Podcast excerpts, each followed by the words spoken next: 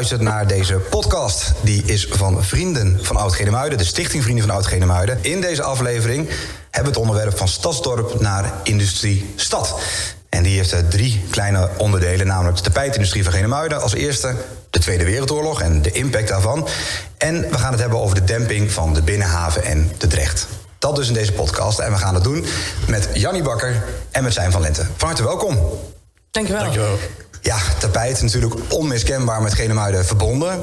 Ik denk ook voor heel veel mensen trots. Uh, uh, zeker als ik naar, uh, naar mezelf kijk.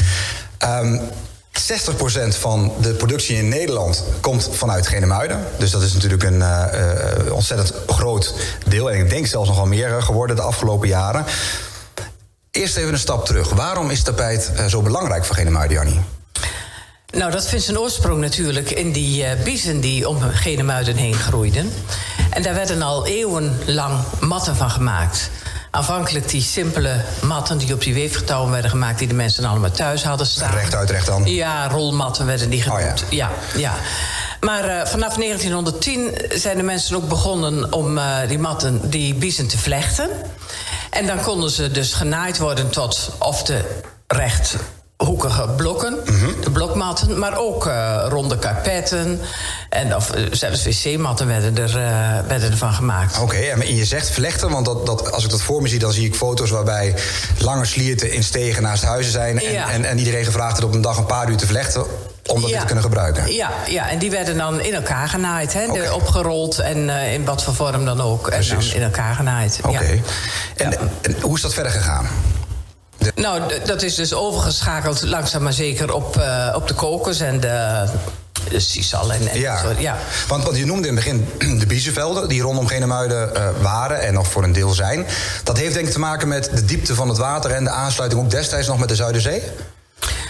Ja, de bussen hebben er nog wel vrij lang ge- gegroeid. Ja. Maar de, de, op het ogenblik is het dus helemaal, uh, Nee. helemaal voorbij. Nee, ja. precies. Het Maar heeft dat, ook met, ehm, met de kwaliteit van het water te maken. ja, precies. Ja, en, en, en de ondergrond waar het, dus, waar het de bies goed eh, kan, eh, kan groeien. Ja, en dat was dus blijkbaar zeker in die tijd eh, rondom Ja. Genemuiden uh, zeker het geval. Ja. Ja. Ja. Um, hoe ontwikkelde de markt zich, Sijm? Kun je daar wat over vertellen? Nou, op een gegeven moment dan, uh, toen ging het hard. Uh, die had uh, twee ondernemende Genemuidenaren. Die hadden natuurlijk wel meer, maar... Ja. De broers eh, Jan en Johannes Matenboer die zagen al snel mogelijkheden van nieuw materiaal. En dat Mhm. nieuw, nieuw materiaal waren de kokosgarens. Oké. Okay. Dus van biezen ging het naar kokos. Maar hier, maar hier uh, groeien geen palmbomen met kokosnoten? Nee, dus die, die, die, um, die, die, die beide broers die hadden nog wat uh, ervaring opgedaan met een uh, fabriekje in uh, Zwartsluis. Oké. Okay. die garens die kwamen uit Brits-Indië, mm. werden met schip aangevoerd. En um, op een gegeven moment hadden die broers Matenboer... die hadden een, een klant, uh, dat was een, een wanbetaler. Ja, wanbetaler, maar door de problemen in de, in de wanorde van de Eerste Wereldoorlog... kon, kon hij zijn, zijn uh, facturen, zijn rekeningen niet uh, voldoen. Nee. En toen hadden ze, hebben ze een deal met hem gemaakt. Dus ze werden niet uitbetaald in geld, maar in kokosgarens. Oh, een ander betaalmiddel. Ja, ja. dus een soort ruilhandel, hè? Ja, ja. ja. En uh, toen begonnen ze dus uh, in een schuur aan de achterweg... Uh, begonnen ze als eerste kokosmatten te maken. Oké. Okay. En dat gebeurde dan handmatig op, op, op weefgetouwen. Ja. Dus machinaal was toen nog niet... nee, het was echt handwerk. Uh, die kokosindustrie heeft toen niet zo lang uh, geduurd, want door de crisisperiode was de vraag naar kokosproducten was al een stuk afgenomen. Oké. Okay. Dus de ene naar de andere fabrikant die, die stopte daar weer mee noodgedwongen en we wachten betere tijden af. Ja. Ja, maar het is toen eigenlijk Klaas Fuiten geweest, die op een gegeven moment machinale weefmachines kocht uit ja? een failliete boedel. Mm -hmm. En die, ja. uh, die ging dus verder met het produceren van die, van die kokos. Ja, maar dan machinaal dus. Dat was maar eigenlijk... dat was machinaal, ja. ja. En die, die kon er ook leuke kleurtjes en leuke patroontjes en zo aan geven. En die had eigenlijk meer succes. Dat, dat, dat was machinaal, dus dat ging ook allemaal wat gemakkelijker ja. dan, uh, dan die matenboers. Ja. Nou, die kreeg te maken met de Tweede Wereldoorlog. Maar daarna nam de kokos toch een geweldige vlucht. Mhm. Mm -hmm. Hij werd ook heel veel nagevolgd. En uh, rond 1950 waren er in Genemuiden maar liefst 39 kokosfabriekjes. Zo. Dat is veel. Ja. ja. ja, ja. Maar, en dan zie je dus ook een stukje innovatie en, en blijkbaar eh, ondernemersdrang, of, of eh, hoe je het ook wil omschrijven, Ja. in die keuze van afgaan van biezen naar kokos en Ja, de doorontwikkeling. eh, Ja, want daarna kwam dus de Sisal, het, het Jabo-tapijt. Dat wordt nog wel gekend in. Jabo-tapijt, ja, ja, ja, ja. En dat was allemaal wat lichter en wat soepeler. Die kokos kon je eigenlijk niet veel breder dan twee meter verwerken... want dan Nee. was het niet meer te stafferen en zo, dat was zo stug. Maar En die niet fijn op blote voeten waarschijnlijk. Nee, nou ja, dat, dat was de Jabo eh, ook niet zo Oh, heel oh. erg hoor. Was ook wel hard. Oké. Maar dat kon je wel op vier meter weven. En dan had je dus niet meer die lelijke naad door de kamer lopen. Nee, nee Ja. dat is een groot voordeel. Ja, Dat is een groot ja. voordeel. Ehm, als we dan een paar stappen verder gaan, de tapijtindustrie nu, op dit moment. Sam, wat kun je daarover zeggen? Ja, als we aansluiten bij dat vorige, dan, dan zie je dus dat ehm, er kwam dus de in- introductie van, van synthetische garens, nylon, propyleen. Ja. Ehm dat zette dus de textielindustrie op zijn kop, maar natuurlijk ook de, de, de tapijtindustrie. Ja. Eh, zeker door de, door de stijgende welvaart eh, kwam er meer vraag naar zachte vloerbedekking. Eh, dat resulteerde erin dat je de zogenaamde tuftingmachines eh, kreeg. Eh, ja, een soort reusachtige naaimachine met honderden naalden. Ja. En die kwamen uit Engeland. En de firma Van Lente, die was de eerste in 1967. Die Bekende naam. Die, is- ja, ik heb een bekende naam. Ja. Familie van mij. Ja, Ja. ja, dat mag gezegd worden. Ja. Eh, die hadden dus als eerste in uh, Genemuiden zo'n zo'n machine. Oké. Ehm, wat eh, al genoemd is, wordt heel veel eh, eh, geproduceerd natuurlijk in Ja. Genemuiden. Door, door de schaalvergroting is het aantal bedrijven, bedrijfjes wel drastisch teruggelopen. Maar de productie is aanzienlijk gestegen. Ja, de vierkante meter, zeg maar. De vierkante meters, ja. Ja. Want, want kun je daar een idee van geven? Waar praten we over tegenwoordig? Nou ja, je had dus in de jaren 80 heb je het over eh, 23 miljoen eh, vierkante meter. En op dit moment, of de laatste jaren, heb je het over 125 Zo. miljoen vierkante meter. Ja, dat is bijna eigenlijk niet voor te stellen, hè, hoe, hoe, hoeveel dat is. Om... Nee, en ook allerlei ontwikkelingen. Dus niet alleen maar tapijt, maar ook au- automatten bijvoorbeeld. Maar Ja. ook vergeet ook niet de laatste jaren de productie van, van kunstgras. Ja, zeker, Voor, ja. voor je tuin of voor de camping, maar ook natuurlijk voor allerlei sportvelden. Ja. En er zit ook weer verschil in. Ja. Je hebt een ander soort kunstgras voor voetbalvelden dan voor hockeyvelden. Ja. Ja, ja, dat is een- dat is ook weer een vak apart. Dat blijft zich doorontwikkelen. Ja. Dat is ook mooi om te zien. Ja, absoluut. En dat, dat is zeker mooi om te zien. En zeker ook mooi eh, om dat in Genemuiden te hebben... en ook absoluut trots op te zijn. We gaan door naar het volgende onderdeel in deze podcast... namelijk de Tweede Wereldoorlog. Ehm, ja, dat is natuurlijk... eh, er was natuurlijk dreiging eh, om ons heen. Wat is er precies gebeurd in Genemuiden? En ja, die situatie, de oorlog... kun je daar wat over zeggen, Jannie? Ja, nou, dat begon eigenlijk al in, in 1939. Ja, die dreiging was er al langer. Ja. Maar in augustus 1939... toen werd, was er dus die algemene mobilisatie. Toen moesten alle dienstplichtige militairen opkomen. Mhm. En eigenlijk is een paar dagen daarna... de eerste inval van Duitsland in Polen al, eh, Ja. al geweest. Ja, dus toen werd de dreiging alleen maar groter. Ja, ja. Nou, we, we weten allemaal, 10 mei, acht maanden later dus... is Duitsland ook Nederland binnengevallen. Ja.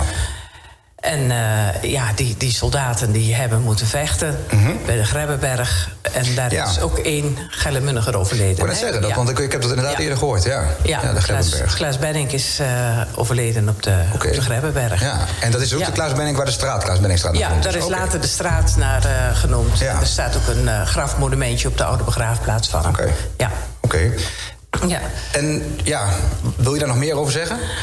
Ja, nou verder, eh, in het begin merkte je in Genemuiden natuurlijk niet zoveel.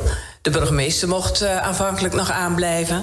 Eh, Die kreeg wel de opdracht dat hij eh, de Genemuidenaren mee moest delen... dat ze zich nu moesten gedragen als behorende tot een overwonnen volk. Ja, dat vond ik zo'n bijzondere zin. Ja, ja, ja. Want hoe doe je dat? Hoe Ja. ga je nou gedragen? Als, dus met vlaggen door de straten en blij zijn? Nou ja, ik denk luisteren, vooral Oh, dat, luisteren. ja, hè? gehoorzaam zijn. Ja, gehoorzaam zijn. De opdrachten van Duitsland uitvoeren. Ja. want je noemt de burgemeester. Want er is een burgemeesterwisseling plaatsgevonden van, van wie de burgemeester was. En dat was, die was ook Duits georiënteerd.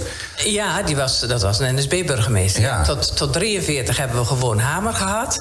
Maar ja, die had toen een keer niet zo goed meer geluisterd en eh, werd afgezet. Die was te brutaal. Ja, die eh, vertelde niet helemaal de waarheid over Oh. die meistaking en zo. Oké. Ja. Die werd afgezet en toen heeft het anderhalf jaar geduurd. Maar pas in, in 1944, november, kregen we een NSB-burgemeester. Dat was wel echt een kwaai hoor. Ja. Liep echt met een pistool en een grote hond. Liep hij door Genemuiden. Dreigen, mensen slaan. Die boezemde echt angst in. Ja, precies. Dat was ja. echt een, eh, een, een, een, nou ja, angstige, een beangstigende burgemeester. Ja. Eh, Ik kan me nog een verhaal herinneren. Dit knippen we eruit, dat we het laten erin. Ik kan me nog een verhaal herinneren van mijn opa. Eh, die is een tijd, ehm, hoe zeg je dat, nachtwacht geweest. Ook in die Ja. periode. Eh, en die wist dat de burgemeester ook controleerde. Want dat deed hij dus. Dat hij s'nachts Ja. rondging met zijn met zijn pistool en met zijn hond. Ja. En dat mijn opa die wist dat hij dat was. Maar heeft gedaan alsof hij dat niet wist. eh, en is op hem ingegaan en heeft hem eh, een aantal keren geslagen met de gummistick, zeg maar. eh, welke, wat je dan ook had, knuppel. Ehm, en en zo van, oh sorry, ik had niet in de gaten dat u het was. Ze- maar dat wist je natuurlijk dus wel. Dus, ehm, nou ja, maar goed, dat terzijde. mooi verhaal. Ja, dat, is- dat, is, eh, dat, dat is in ieder geval mij verteld. Ja, wat is het effect van de oorlog op de gemeenschap, Zijn? Ja, ehm, nou toch wel heel ingrijpend, denk ik. Ehm, door de, de oorlogsindustrie eh, in Duitsland, die draaide natuurlijk eh, volop. Ja. En er moesten ook veel mannen, die moesten naar het front, eh, Duitsers. Ja. Dus er kwam een gebrek aan arbeidskrachten. En dat werd opgevuld door het ronselen van, eh, van mensen, ook vanuit Nederland. En die moesten zich ja, melden bij de arbeidseinsatz. Ja, die arbeidseinsatz. Ja, en dus ze werden naar, die moesten naar Duitsland toe, die moesten naar eh, een bijdrage leveren. Ja. Bijvoorbeeld de, de, de oorlogsindustrie. Ja. De industrie in Genemuiden die werd ook ingeschakeld om, om, om hier ter plaatse een bijdrage eh, te leveren. Bijvoorbeeld moest men eh, zogenaamde postershoeën Ja. maken van, van biezen. Dat zijn dus ja, zulke grote overschoenen... dat de soldaten die konden met de laars in zo'n in zo'n over... Die gingen er nog weer overheen. Ah. En dat was bedoeld voor wat isolatie als de militairen op wacht stonden in de sneeuw. Dan Ja. een beetje eh, bescherming. Ik kan me daar nog een foto van herinneren van een of andere generaal of opperbevelvoerder in Rusland. die dan op een foto staat met die overschoenen aan. Ja, dat klopt. Ja. Er zijn nog wat foto's van, ja. Ja, want ze gingen vooral naar het oostfront toe. Ja, precies. Dat was Ja. koud natuurlijk. Ja, ja. dat was vrij koud. Ja.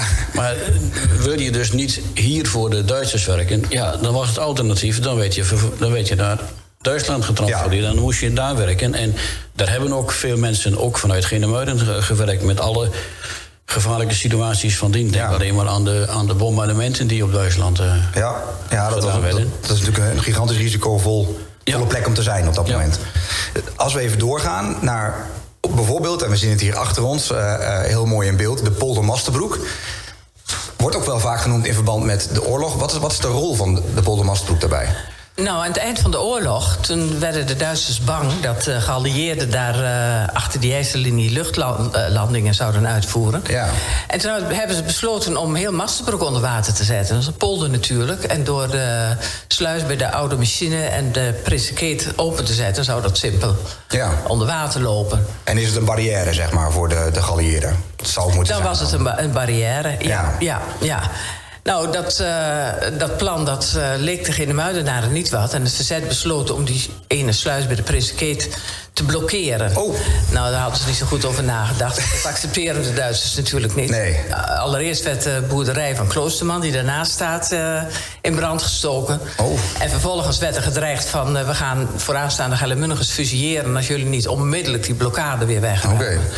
Dus dat hebben ze toen gedaan. Dat, kon niet, dat hield geen stand, Nee, zeg maar. nee, nee. Dus eh Masterbroek is helemaal onder water gelopen. De boeren die konden maar eh, amper hun vee in veiligheid brengen. Eh, schade aan het gewas, schade Ja. aan, aan de landerij. En ja, de boeren moesten met een bootje naar hun, naar hun bedrijf toe. Ja. Het heeft nogal consequenties. Ja, ja, er is ook nog iemand bij verdronken. De machinist van Dolde Machine die was ondergedoken in Masterbroek.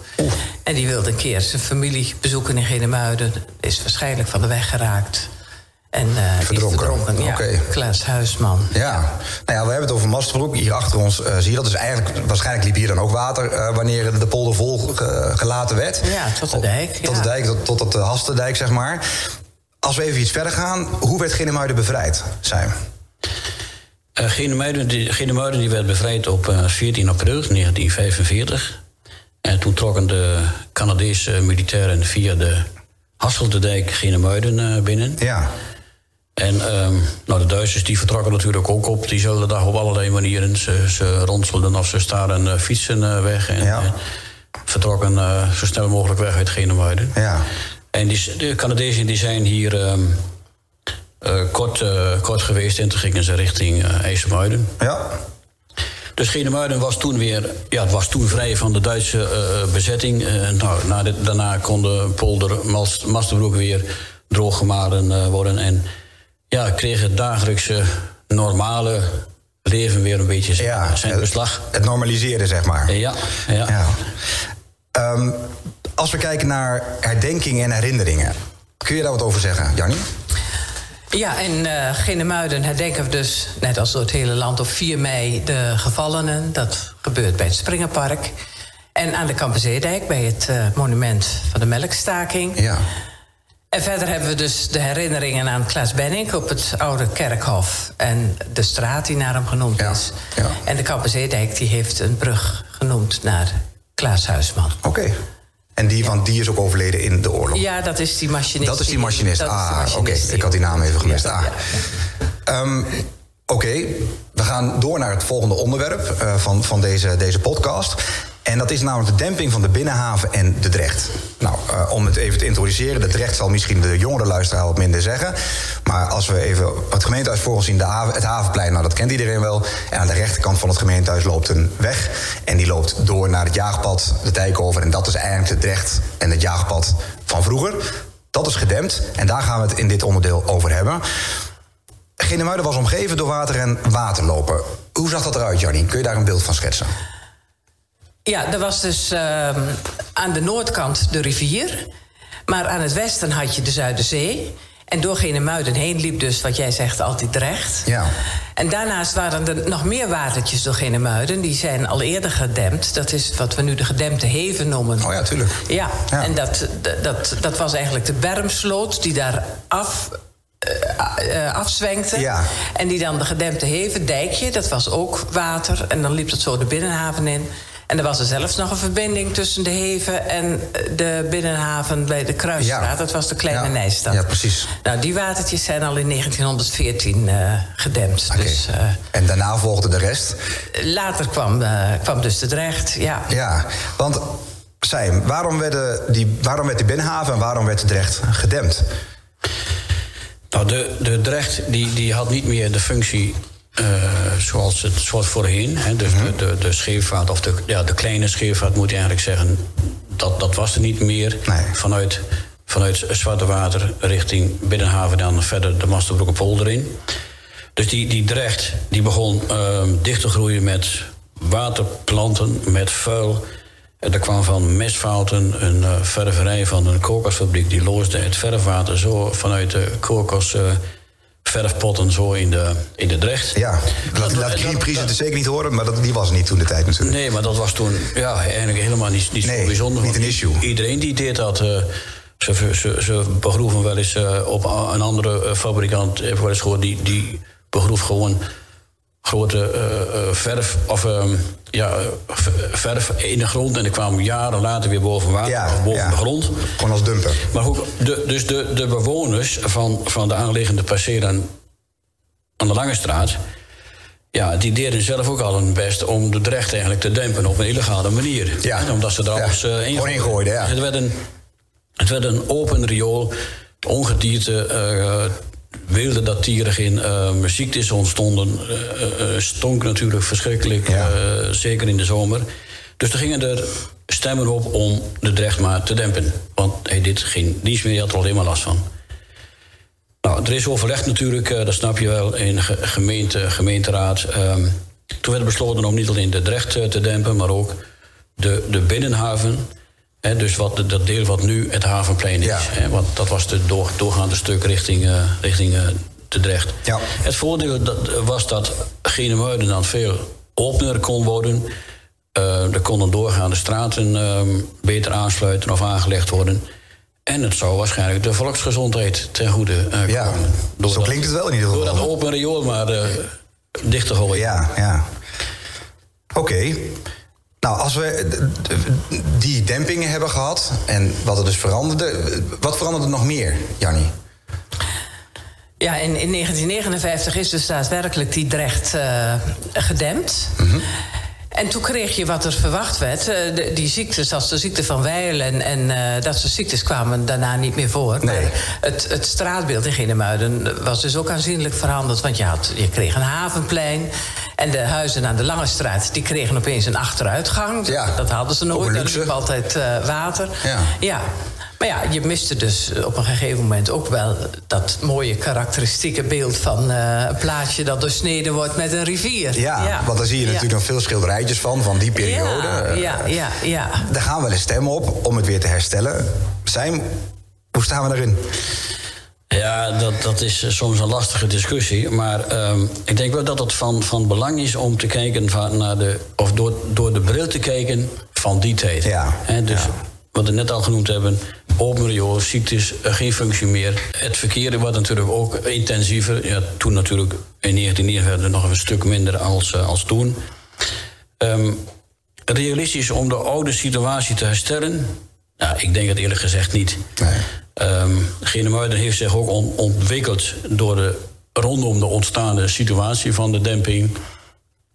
Um, terug naar de oude situatie ik denk dat dat enorm veel consequenties heeft voor bijvoorbeeld het verkeer. Ja, ja en je hebt ook geen evenemententerrein dan meer. Want het haven, nee, waar moet je je markt houden, je, je, je weekmarkt? Ja, dat, goed, dat soort praktische dingen ja. kom je dan tegen. En ja, ja ik, ik, ik kan me voorstellen als je, dat, als je zo'n plan zou willen uitwerken, dat het ja, eigenlijk onverantwoord is en ook onbetaalbaar. Nou ja, laten we, laten we dat vooral inderdaad dan bij dromen houden en bij dat idealistische, idealistische beeld. Want volgens mij is dat het wat we dan nou, in een soort van nostalgie nastreven. En gelukkig hebben we daar heel veel beelden van, zeker ook van de, van de demping. Hè. Er zijn, zijn hele mooie beelden van. Ja, want eh, heel kort nog even over die demping van de binnenhaven. Daar lag natuurlijk een brug. Uh, die brug die is gesloopt en die is uh, afgevoerd ja. destijds. Ja. En nu zijn we een paar jaar geleden hebben we weer op die plek een brug gecreëerd, zeg maar, omdat het weer op die situatie moet lijken. Dat zijn de ontwikkelingen van, van, van, de, van de tijd. Ja. En um, ja, een beetje hang naar eh, nostalgie. Uh, Precies, heeft ja. dat natuurlijk mee te maken. En achteraf gezien hadden we dan beter die brug kunnen laten liggen in de situatie. Maar goed, achteraf hebben we nu niks aan. Dat is natuurlijk allemaal uh, flauwekul. Nee, maar ja, kijk, die brug die deed absoluut geen, geen dienst meer. Dus waarom zou je niet nog stand, stand houden? Nee, dat is flauwekul. Dus ja. ja. zand erover en straatwerk erin. dat doen we. Zand erover, straatwerk erin. Ik denk een mooie afsluiting voor deze podcast. En deze heette dan Van Stadsdorp naar Industriestad. Ik wil jullie heel erg bedanken voor jullie bijdrage en het hier zijn. Dank jullie wel. Graag gedaan. En natuurlijk ook de luisteraars die geluisterd hebben. Volg deze podcast en je kunt ook abonneren... waardoor je elke keer een update krijgt wanneer er een nieuwe beschikbaar is. Dank jullie wel, tot de volgende keer.